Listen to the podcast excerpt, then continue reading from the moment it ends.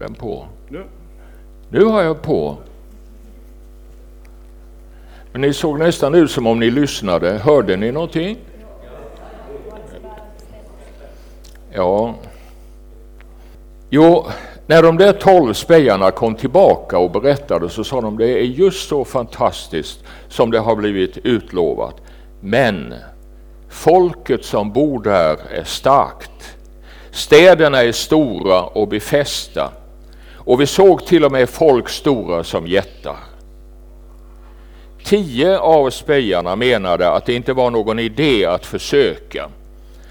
De menade att de inte skulle ha någon chans att gå in. Men det fanns alltså två. Kaleb han förde ordet i det här fallet och Josua var, var med i samma tanke. Josua, eh, Kaleb sa så här, låt oss dra ut och erövra landet, sa han. Vi rår på dem. Därför att han räknade med att Gud var för dem, att när löftet var givet så skulle det också uppfyllas. Senare eh, så är de framme vid gränsen, ska gå över floden Jordan och in i landet och snart inta Jeriko. Mose har dött och eh, det var Josuas uppgift att leda folket vidare. Och då sa Gud till honom, var tapper och stark, låt dig inte skrämmas, bli inte förskräckt. Herren din Gud är med dig i allt vad du gör. Det är Josua 1.9 om någon vill lägga det på minnet. I den mest eh, den bibelöversättning till engelska som jag tror de flesta läser så står det Be strong and courageous, det vill säga stark och modig.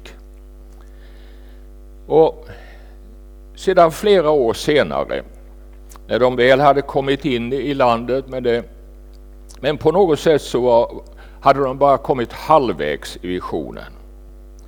Och då ställde Josua folket mot väggen. Vill ni tjäna Herren eller inte? Så säger han, han deklarerar jag och min släkt, vi vill tjäna Herren. Josua var nog den tuffaste i Gamla testamentet. Han var inte speciell på samma sätt som Mose och han räknas varken som präst eller profet. Men han höll fast vid visionen och vek inte för motgångar och inte heller för folkets tröghet. Om vi går till Nya Testamentet så är nog den, den modigaste mannen näst kvinnan eh, jungfru Maria så är nog mannen vid Betesda damm. Vi får, det står så här, får, det är Johannes 5 ifall någon vill slå upp den. Vid Fårdammen i Jerusalem finns ett bad med det hebreiska namnet Betesda. Den har fem pelargångar och i den låg en mängd sjuka, blinda, lama och lytta. Det fanns en man som hade varit sjuk länge. Han varit sjuk i 38 år. Då Jesus såg honom ligga där och fick veta att han varit sjuk länge frågade han honom. Vill du bli frisk? Den sjuke svarade, Herre, jag har ingen som kan hjälpa mig ner i bassängen när vattnet börjar svalla. Medan jag försöker ta mig dit hinner någon annan före mig. Och då sa Jesus till honom, stig upp, ta din bädd och gå. Och genast blev mannen frisk och han tog sin bädd och gick. Tänk 38 år med en begränsad rörelseförmåga. Tydligen kunde han släpa sig fram i alla fall. Men eh, han var inte rask. Och så ett, tu, tre så litar han på ordet ifrån Gud och reser sig upp. Vilket fantastiskt mod det behövs att resa sig upp och tro vad Jesus säger. Han var verkligen modig. Och nu idag så utmanas du och jag av de här båda männen. Och först, först gäller det att inte stanna halvvägs i visionen. Och vi kan jämföra med vad Paulus säger när han står till svars inför konung Agrippa för allt det han håller på. Han berättar om hur det gick till på vägen till Damaskus när, när Jesus grep in i hans liv. Den uppståndes eh, talade till honom.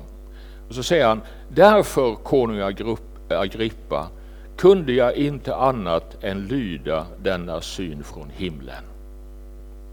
Det är lite speciellt det här ordet för mig, för det var det minnesord som konfirmandprästen gav oss när jag blev konfirmerad. Därför kunde jag inte annat än lyda denna syn från himlen.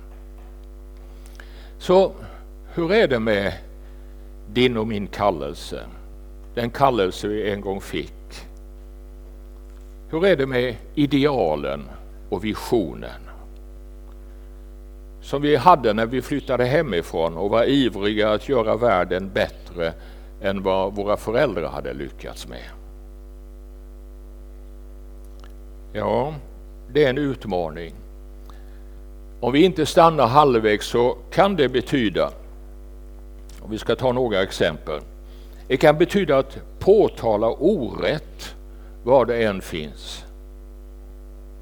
När vi var unga så visste vi precis, och några är unga, så visste vi precis vad som var rätt och vad som var rättfärdigt och hur, hur saker och ting skulle gå till. Vi visste det precis. Men nu när vi har vuxit lite granna så gömmer vi oss kanske ganska lätt vid, vid It's complicated. Som det heter i amerikanska filmer när man inte vill svara på en fråga eller inte göra någonting.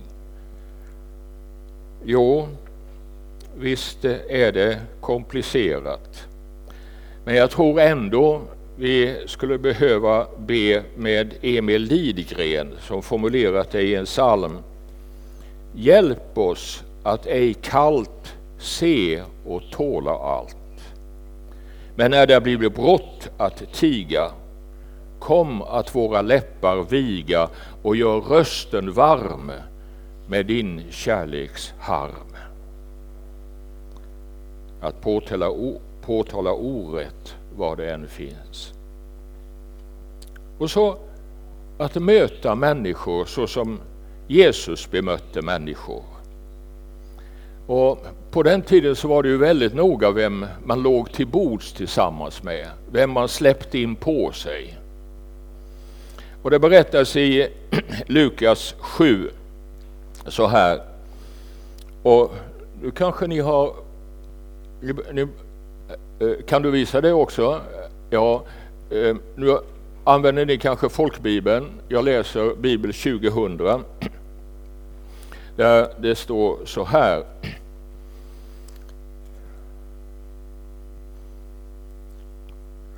En av fariseerna bjöd hem Jesus på en måltid och han gick dit och tog plats vid bordet. Nu fanns det en kvinna i staden som var en synderska. När hon fick veta att han låg till bords i farisens hus kom hon dit med en flaska balsam och ställde sig bakom honom vid hans fötter och grät. Hon vette hans fötter med sina tårar och torkade dem med sitt hår och hon kysste hans fötter och smorde dem med sin balsam. Farisén som hade bjudit honom såg det och sa för sig själv om den mannen vore profet skulle han veta vad det är för sorts kvinna som rör vid honom, en synderska. En sån var Jesus. Han var inte rädd för att släppa en synderska intill sig. Han var inte rädd för att tala med någon som var annorlunda. Han var inte rädd för att umgås med svekarna, publikanerna och de som hade mindre fördelaktiga rykten omkring sig. Jag tror vi har någonting att lära där. Jag tror det ingår i de, flest, den, i de flestas vision att vara lika mot alla människor och respektera alla människor. Och sedan att se, se att problem och problemmänniskor inte egentligen är till besvär. Istället så är de tillfällen att tjäna och hjälpa och stödja. Att problem är tillfällen. Och jag tror att det ingår i vår vision. Och så ska jag ta med en sak som, som inte, den, den kom inte med när jag gjorde powerpointen. Men det är det här att tala om tro. Jag tror att det ingår och har ingått i vår vision att vi ska dela med oss av vår tro. Att Jesus är så viktig att vi vill dela med oss av honom. Men det, det är ganska svårt i det klimat som råder i, i samhället i, i Finland idag. Det är liksom inte riktigt tillåtet att ta upp trossaker. Men eh, jag tror att vi behöver det modet. Att vi ändå talar om Jesus och försöka att inte sätta igång jag vet jag har varit med om många gånger när vi har, har lärt oss ett tre minuters vittnesbörd. Men de, jag har märkt att de har en tendens att bli en liten predikan. Och jag, jag tror inte att det är en, en, predikan som människor behöver och att vi plötsligt ska knacka i glaset och säga nu ska jag berätta om Jesus. Utan att kunna ta in det på ett, på ett vardagligt sätt. Det var ett begrepp som en gång användes i Amerika. Det var en, en kampanj för att gossiping gos the gospel. Att skvallra om evangeliet. Att dela med sig så som man delar med sig av en fantastisk match eller en underbar låt. Att man talar om att man var i kyrkan i söndags och den där prästen han var ganska obegriplig. Och, och att man kan tala om en sådan sak. Och inte bara om alla de andra sakerna som händer i vårt liv. Jo, vi behöver nog mod av, av det och inte lämna vår vision halvvägs. Och Jesus sa till och med att när vi hamnar i, i utsatta situationer så ska orden ges oss. Det står i Matteus 10, eh, 19 om, om det. Ja, men så kommer vi till, till den där nästa strecket som finns där. Eh, är det något mer som, som du kan tänka på? Är det någonting i din vision som eh, du menar att du behöver lite mod för? Jag kanske får låna din, din mikrofon där lite ifall det är någon som är det någon som sådär spontant tänker på någonting som vi ännu skulle behöva ha mod till?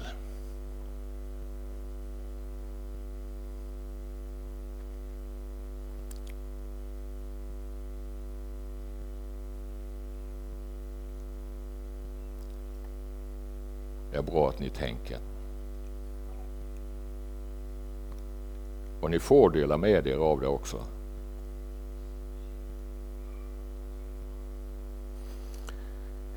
Ja, men då funderar vi vidare på de här sakerna.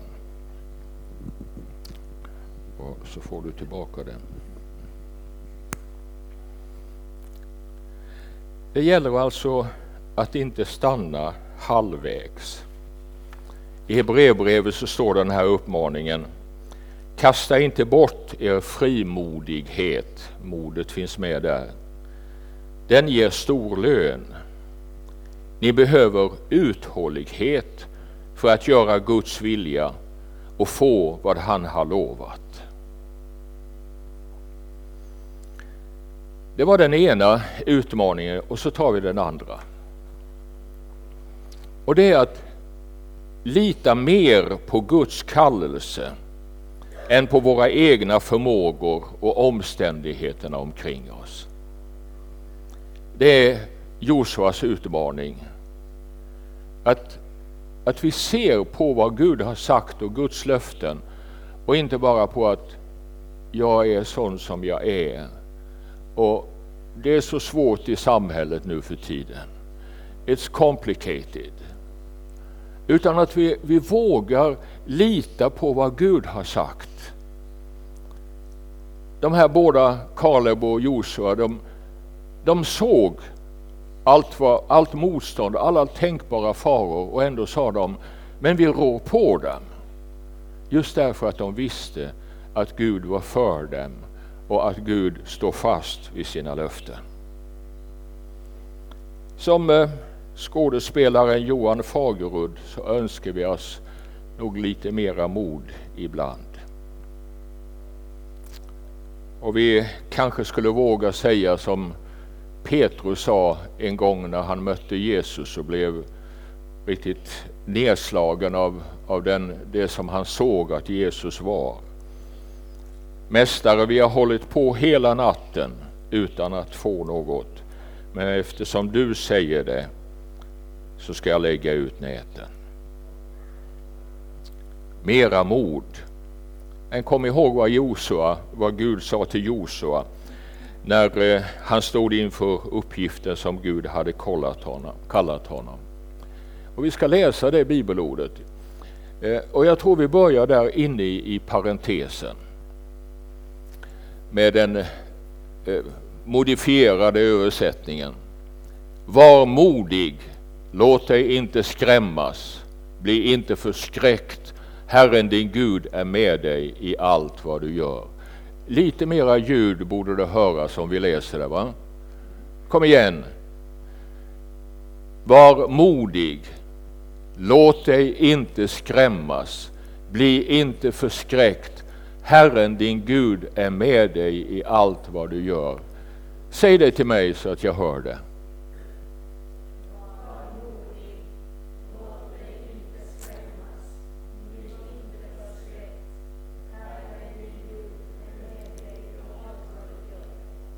Amen. Halleluja.